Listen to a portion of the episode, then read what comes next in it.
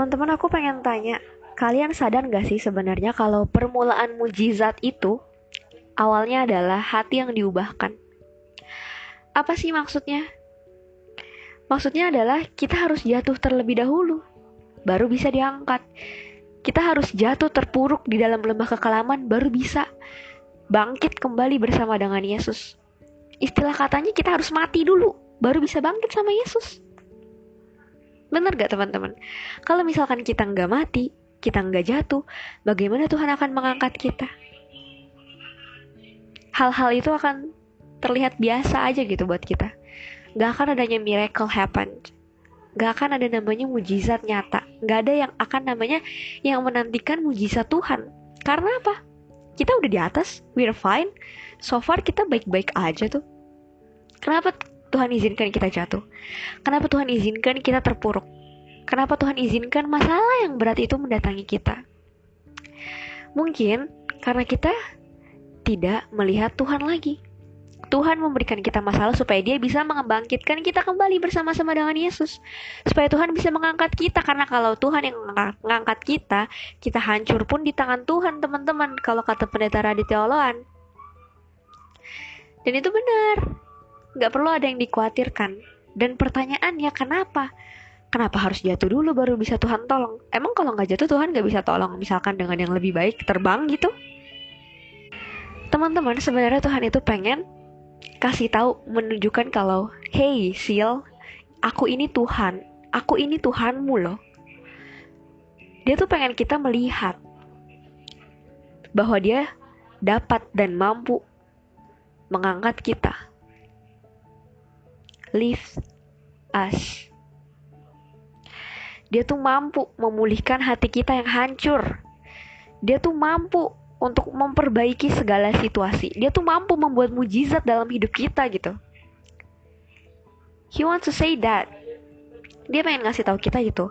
Tapi pertanyaannya kenapa memang nggak bisa lewat hari-hari biasa tanpa ada masalah?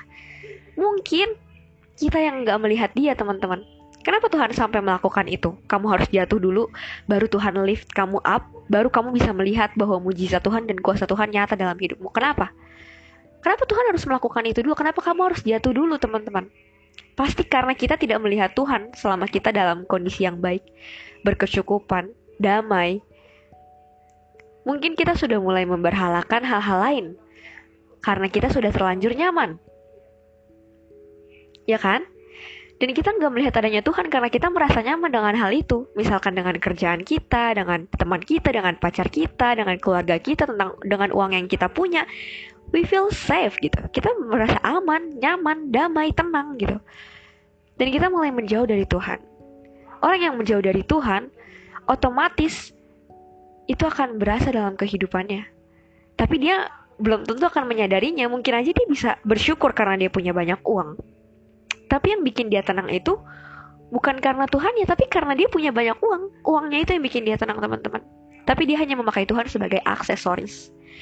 Berkatnya Tuhan, aku bersyukur Tuhan telah memberikan aku uang yang banyak dan lain sebagainya. It's not all about money. Pacar, teman, kerjaan, semuanya bisa. Keadaan kita. That's why Jesus, God, Lord itu memberikan kita suatu cobaan, kita jatuh, blek. Udah jatuh, nggak bisa berbuat apa-apa, hati kita hancur, nah itu saatnya kita mendekat kepada Tuhan. Di saat itulah kita bisa berproses. Ketika kita jatuh, masalah, terus akan menimbulkan apa ya kata-kata terlatih. Terlatih membuat kita tahan uji. Tahan uji membuat kita punya harapan baru, punya pengharapan di dalam Yesus mungkin kita memang harus hancur, mungkin kita memang harus meninggalkan pacar kita, mungkin kita harus meninggalkan lingkungan kerja kita karena mungkin kita sudah memberhalakan mereka gitu. Kita bersyukur tapi itu hanya sebagai aksesoris aja. Tuhan tuh sebagai aksesoris gitu, teman-teman. Sebenarnya bikin kamu nyaman itu karena sekelilingmu, bukan karena Tuhannya itu yang sering kali kebanyakan salah dan uh, di mana Tuhan tuh biasanya memberikan kita masalah, ujian, cobaan, terpaan, badai itu di situ. Tuhan itu mau menunjukkan dirinya. Dia pengen mengembalikan kamu melihat dia ini loh, aku Tuhanmu, bukan aku uangmu. Aku Tuhanmu, aku sumbernya loh. Aku sumbernya. Jangan lupakan aku. Jangan terlalu nyaman dengan berkat yang kuberikan. Mereka atau dia atau uang atau apa pun yang membuat kita merasa nyaman itu adalah berkat yang kamu dapatkan dari aku. Kamu berhak menerimanya anakku. Tapi akulah sumber berkat itu. Jangan sekali-kali kamu melupakan aku setelah kamu menerima berkat dari aku. Tuhan tuh seakan-akan tuh mau ngomong gitu sama kita loh guys. Tuhan tuh mau nampar kita supaya kita tuh sadar dan melihat kembali Yesus. Yesus dimunculkan dari diri kita. Kita dapat melihat Yesus dari diri kita karena masalah kita. Karena kalau kita punya masalah, maka kita akan berharap.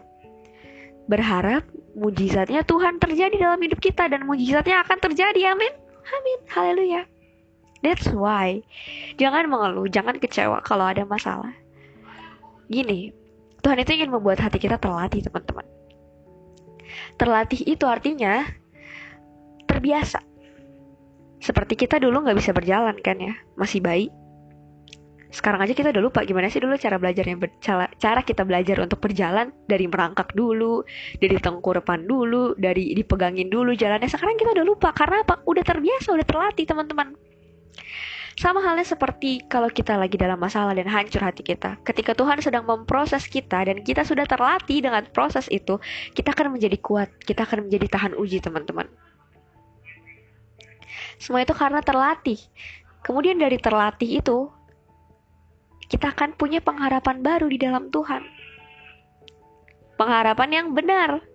Berharap pada orang yang benar, bukan pada yang salah lagi, bukan pada uang lagi, bukan pada pacar lagi, bukan pada uh, lingkungan yang membuat kamu nyaman lagi, bukan. Tuhan itu ingin kamu kembali kepadanya. So, yuk kita berlatih. Gak apa-apa sakit hati, gak apa-apa hancur. Terima itu sebagai anugerah. Karena Tuhan gak mau kehilangan kamu, akhirnya Tuhan panggil kamu lagi dengan cara menghancurkan hati kamu supaya bisa Tuhan ubah dan bentuk lagi menjadi baru. Karena hati yang hancur lebih mudah diubah daripada hati yang keras.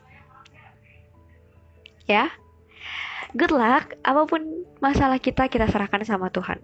Kita hanya perlu mengikuti kehendaknya belajar pengenalan akan dia, pengenalan, pengenalan, dan terus mengenal dia. Maka kita akan tahu kehendaknya.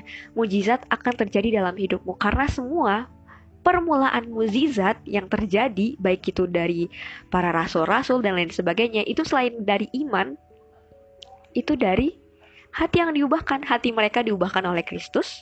Setelah mereka sudah terlatih, sudah tahan uji, mereka mendapatkan harapan baru dan puji Tuhannya, harapan itu menjadi sebuah mujizat yang Tuhan berikan terhadap kita dalam hidup kita.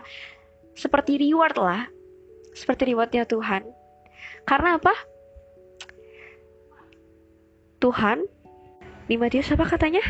Tuhan, tetapi carilah dahulu kerajaan Allah dan kebenarannya, maka semuanya itu akan ditambahkan kepadamu. Hal ini kita bicara tentang kerohanian seseorang. Bagaimana hati kita supaya kita mencari kerajaan Allah itu seperti apa? Mengikuti Yesus, masuk ke dalam jalannya Yesus, jalan kebenaran bukan jalan kita. Kita salah jalan, guys. Ayo, kita wrong, wrong way, wrong way gitu.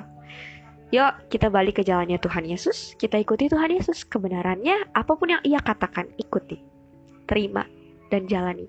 Meskipun hati kita sedang hancur, percayalah bahwa dia sanggup memulihkan. Setelah memulihkan, percayalah bahwa dia sanggup memberikan mujizat. Karena rancanganku adalah rancangan yang baik, bukan rancangan kecelakaan. Tetapi rancangan yang penuh damai sejahtera untuk memberikan kepadamu hari depan yang penuh harapan. Itu ada di Yeremia 29 ayat 11. Oke okay, teman-teman, so semangat, tetap semangat, good luck. Good luck bukan untuk apa pun, good luck untuk mengenal Tuhan dan masuk ke dalam hadiratnya lebih lagi.